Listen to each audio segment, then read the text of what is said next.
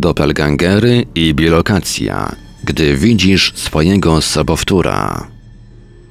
Oto niewiarygodne, prawdziwe przypadki sobowtórów, którzy ukazują się często jako zwiastuny śmierci lub katastrofy i nadzwyczajne historie ludzi potrafiących znajdować się w dwóch miejscach jednocześnie. Czy masz gdzieś na świecie swojego sobowtóra? Czy jedna osoba może znajdować się jednocześnie w dwóch miejscach?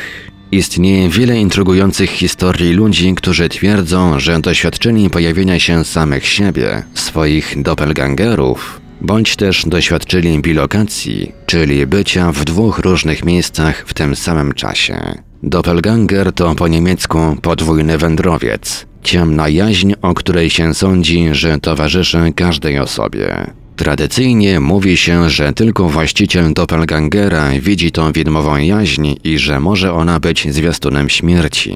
Czasami jednak doppelganger może zostać zauważony przez przyjaciół tej osoby lub przez jej rodzinę, powodując pewne zakłopotanie. W przypadkach bilokacji osoba może świadomie lub nieświadomie ukazywać się lub jej sobowtór jako zjawa w bardzo oddalonym miejscu. Ów sobowtór jest nie do odróżnienia od prawdziwej osoby i może oddziaływać z innymi ludźmi tak samo, jakby to zrobiła prawdziwa osoba. Jedno z najbardziej fascynujących doniesień o doppelgangerze pochodzi od amerykańskiego pisarza Roberta Dale'a Owena, któremu tą historię opowiedziała Julie von Gildenstube, druga córka barona von Gildenstube. W 1845 roku, kiedy Julia miała 13 lat, została zapisana do Pensjonat von Neuwelke, szkoły przeznaczonej wyłącznie dla dziewczyn, znajdującej się w pobliżu Wolmaru. Obecnie miejscowość ta znajduje się na Łotwie. Jedną z jej nauczycielek była 32-letnia francuska Emily Sarze. I choć praca Sarze zadowalała administrację szkoły, wkrótce nauczycielka stała się obiektem pogłosek i dziwnych spekulacji. Sarz, jak się wydawało, potrafiła pojawić się i zniknąć w podwójnej postaci na oczach uczennic. Pewnego dnia pośrodku sali lekcyjnej, kiedy Sarz pisała coś na tablicy, u jej boku pojawił się sobowtór. Doppelganger naśladował dokładnie każdy ruch nauczycielki, gdy pisała, jedynie nie trzymał kredy. Świadkami zdarzenia było 13 uczennic. Podobne zdarzenie miało miejsce pewnego wieczora przy stole, kiedy zauważono stojącego za Sarz doppelgangera, który naśladował jej ruchy podczas jedzenia, choć nie trzymał żadnych sztućców. Doppelganger jednak nie zawsze naśladował jej ruchy. Kilkukrotnie Sarz była widziana w jednej części budynku szkoły w chwili, gdy wszyscy wiedzieli, że znajdowała się wtedy gdzie indziej. Najbardziej zadziwiające zdarzenie miało miejsce na oczach 42 uczennic latem 1846 roku, kiedy to dziewczyny siedziały w sali na lekcji szycia i haftowania. Gdy pracowały przy długich stołach, dostrzegły Sarzę zbierającą kwiaty w ogrodzie. Dziewczyn pilnował inny nauczyciel.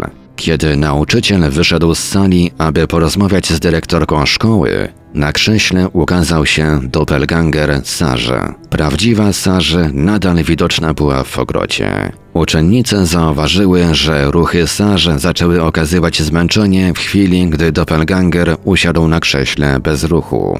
Dwie odważne dziewczyny zbliżyły się do zjawy i próbowały ją dotknąć, czuły jednak w powietrzu dziwny opór otaczający widziadło. Jedna z dziewczyn stanęła między krzesłem a biurkiem nauczyciela, przechodząc przez zjawę, która nadal pozostawała nieruchoma. Wówczas widziadło zaczęło powoli znikać. Sama Sarz podobno nigdy nie widziała doppelgangera, mówiła jednak, że zawsze gdy doppelganger ukazywał się, doznawała uczucia wyczerpania i zmęczenia. Wtedy nawet kolor jej skóry wydawał się przybierać blady odcień.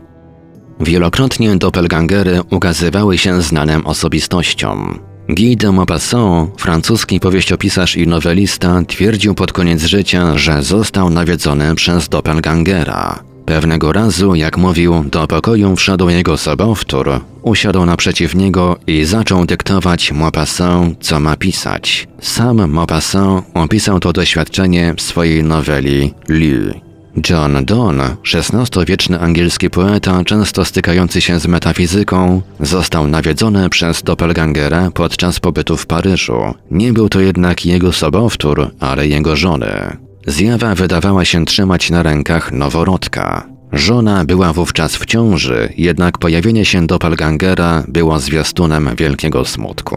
W tym samym czasie, w którym ukazał się doppelganger, żona Johna Donne urodziła martwe dziecko. Percy Bysshe Shelley, wciąż uznawany za jednego z największych angielskich poetów, spotkał się z doppelgangerem we Włoszech. Zjawa cicho wskazała palcem na Morze Śródziemne. Niedługo po spotkaniu i wkrótce przed swoimi 30 urodzinami w 1822 roku Shelley stracił życie w katastrofie morskiej. Utonął na Morzu Śródziemnym.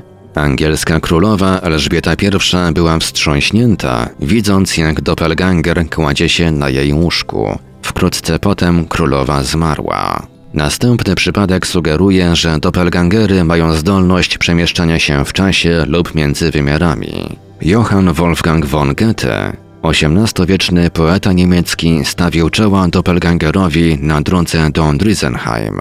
Jadąca w jego kierunku postać była jego dokładnym sobowtórem, miała jednak szary garnitur ozdobiony złotymi elementami. Osiem lat później Goethe przejeżdżał ponownie tą samą drogą, jednak w przeciwnym kierunku. Zorientował się wówczas, że nosi dokładnie taki sam garnitur ze złotymi ozdobami, jaki widział na swoim sobowtórze osiem lat wcześniej. Czy Goethe ujrzał wówczas własną przyszłość?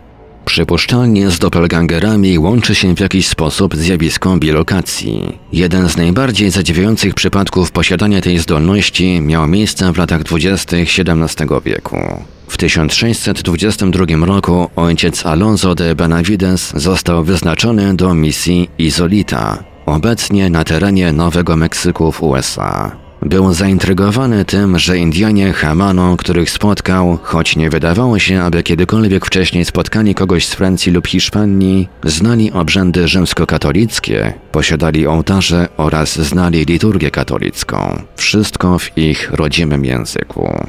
Ojciec Benavides napisał do papieża Urbana VII i hiszpańskiego króla Filipa, by dowiedzieć się, kto był przed nim na tych terenach, chcąc oczywiście nawrócić Indian. W odpowiedzi dowiedział się, że nikogo tam wcześniej nie wysyłano. Indianie powiedzieli Benavidesowi, że zostali wprowadzeni w chrześcijaństwo przez piękną i młodą panią w błękicie, która przebywała między nimi przez wiele lat i nauczyła ich nowej religii w ich własnym języku. Powiedziała im również, że wkrótce na ich ziemię przybędą biali, gruboskórni ludzie. Ona stąpiła do nas z wysokości, mówili Indianie. Nauczyła nas nowej religii, pozostawała między nami przez długi czas. Powiedziała nam, że przyjdziesz i nas powitasz, po czym odeszła. To wszystko, co wiemy. Koniec cytatu. Kim była tajemnicza, ubrana na niebiesko kobieta?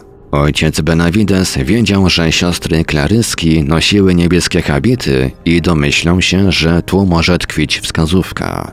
Odnalazł obraz przedstawiający Klaryskę i pokazał go Indianom Hamanos. Czy to ta kobieta? zapytał. Ubiór się zgadzał, ale nie była to ta kobieta, o której mówili Indianie. Kobieta na obrazie była pełna godności, natomiast ubrana na niebiesko dama była młoda i piękna. Po powrocie do Hiszpanii ojciec Benavides otrzymał zadanie rozwiązania zagadki. Jak Indianie mogli spotkać Klaryskę, skoro ten zakon miał zasadę? Od dnia ślubów aż do śmierci zakonnice nigdy nie opuszczały klasztornych murów. Także niewiele z nich wysyłano na misje do odległych regionów świata. Śledztwo ojca Benavidesa doprowadziło go do siostry Marii od Jezusa w Agredzie w Hiszpanii, która twierdziła, że odwiedzała północnoamerykańskich Indian, jednak bez opuszczania klasztoru. Będąca wówczas przeoryszą klasztoru siostra Maria powiedziała, że odwiedzała Indian nie cieleśnie, lecz duchowo. Siostra Maria mówiła, że regularnie zapadała w kataleptyczny trans, po którym przypominała sobie sny, w których niesiona była w dziwne i dzikie miejsce, w którym nauczała Ewangelii. Jako dowód swoich twierdzeń była w stanie podawać bardzo szczegółowe opisy Indian Hamano, Między innymi ich wygląd, odzież i zwyczaje, czyli wszystko, o czym nie mogła wiedzieć, zanim ten lud został odkryty przez Europejczyków. W jaki sposób nauczyła się ich języka? Nie robiłam tego, powiedziała. Po prostu rozmawiałem z nimi. Wszak Bóg rozumie każdego. Siostra Maria ukazywała się podobno również meksykańskim Indianom, którzy mówili, że byli odwiedzani przez bardzo piękną kobietę, która zstąpiła do nich z wyżyn, a która odziana była w niebieski strój. Istnieje dużo więcej podań o przypadkach bilokacji, szczególnie wśród świętych, duchownych i innych religijnych postaci. W 1227 roku święty Antoni z Padwy, portugalski franciszkanin, przebywał w Limoges we Francji, gdzie wygłaszał homilię. Podczas homilii, jak pamiętał, dostał polecenie intonować wraz z braćmi modlitwy w kaplicy na drugim końcu świata. Uświadomiwszy to sobie, przerwał homilię, klęknął w miejscu, zaciągnął kaptur na głowę i stał się całkiem spokojny. W tym momencie brat Antoni ukazał się w kaplicy i zaintonował odpowiednie modlitwy. Gdy skończył, jednocześnie opuścił kaplicę i podniósł głowę, będąc w kościele, po czym kontynuował swoją homilię. Święty Alfons z Ligurii był w 1774 roku biskupem Sancta Agata dei Goti, kiedy doświadczył bilokacji. Gdy w swoim pałacu w pobliżu Neapolu we Włoszech biskup wpadł w trans, Natychmiast ukazał się w Watykanie w komnacie papieża Klemensa XIV, który umierał na łóżku. Biskup wziął udział w modlitwie wraz z arcykapłanami. Pozostał z nimi aż do śmierci papieża. Wówczas obudził się w swoim pałacu i opisał wszystko, czego doświadczył. W 1905 roku Sir Gilbert Parker, poseł brytyjskiego parlamentu, brał udział w debacie w Izbie Gmin. Czasie debaty zauważył sera Frederika Kernrusha siedzącego na swoim miejscu. Wydawało się to niemożliwe, ponieważ Sir Rush zachorował na grypę. Również według domowników pozostał w łóżku przez cały dzień. Najwidoczniej jednak sobowtór Rusha był zdeterminowany, by wziąć udział w debacie.